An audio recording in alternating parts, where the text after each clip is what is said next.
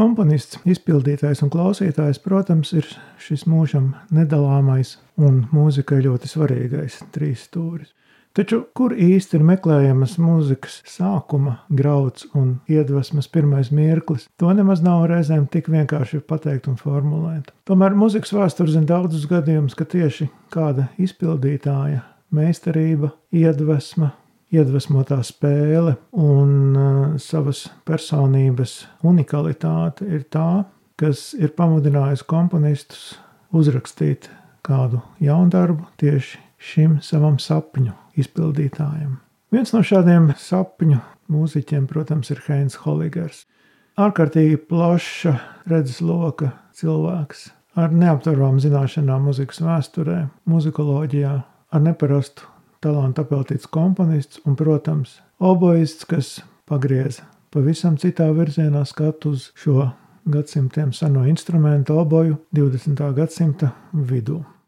Heinza Holigera jaunievedumi un individuālais neparastais skats uz oboju un tas, kā viņš bija iedziļinājies šī instrumenta izpētē, ir tik neparasti un unikāli, ka viņam līdz šim brīdim ir veltīti apmēram 200 vairāk vai mazāk pazīstami mūsdienu komponistu skaņdarbi. Iespējams, ka katrs instruments kādā savas attīstības stadijā gaida tieši to spēlētāju, kurš atklās visu, ko šis instruments spēja. Oboje Heinz Holigers tāds bija ilgi gaidīts viesis un sabiedrotais. Heinza spēle suģestēja daudzus 20. gadsimta pazīstamus skaņražus. Viņam darbus ir veltījuši Eliots Kārters, Lučāno Berio, Šistofs Pendereckis, Vitāls Juslavskis un daudzi, daudzi, daudzi citi. Privātā sarunā meistars atklāja, ka, protams, viena daļa no šiem darbiem diez vai tiks vēl tik drīz izvilkt ārā no bibliotēku plauktiem un atskaņot, jo šī muzika varbūt ir bijuši tādi eksperimentāli darbi, kuru eksperimentu rezultāti ir mazliet apšaubāmi.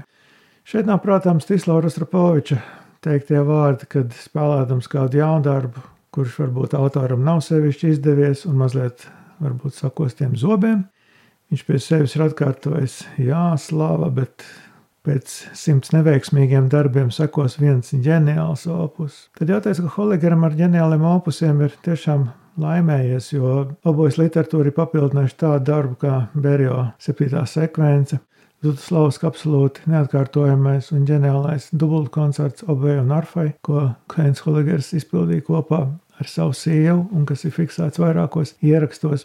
Elīte Kārtera koncerts obējai tiem laikiem neticami virtuos, spožs un uh, novatoriskiem risinājumiem uzlādēts opus.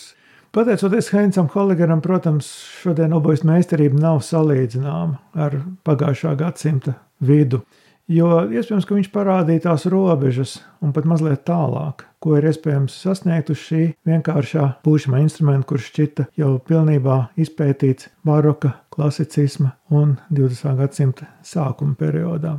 Ja mēs runājam par Heinz Holigeru, man mēlnies pieminēt vēl kādu interesantu detaļu. 1982. gadā Maskavā notika pirmais starptautiskās muzikas festivāls. Dīvains pasākums, uz kuru tomēr bija ieradušies daudzi atzīti mākslinieki, citas starpā arī Heinz Holigers ar dzīves biedri Vitāls Judaslausks, Kristofs Pendereckis. Tā bija pirmā reize, kad man ar kolēģiem bija iespēja dzīvajā koncertā dzirdēt Heinz Holigera spēli, satikt viņu uzrunāt, iepazīties. Iespējams, tieši šī tikšanās aizsāka mūsu pazīšanos un ciešas attiecības, kas ilgs pat vēl līdz šai dienai.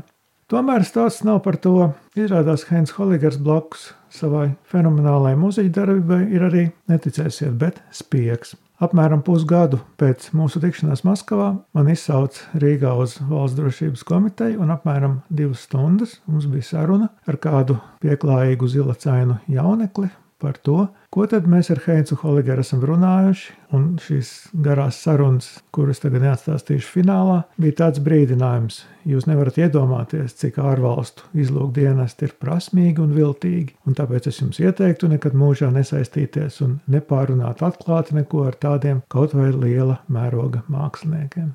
Šodien, protams, par šo visu runājot, šī saruna šķiet smieklīga, taču tas parāda tikai to, kādas bija bailēm lielas acis toreizējai padomu iekārtai no tāda mēroga mākslinieka. Kad es šo sarunu atstāstīju pašam spiegam pēdiņās, viņš gardi smējās un teica, jā, varbūt viņš savā karjerā ir nokavējis kādu būtisku posmu.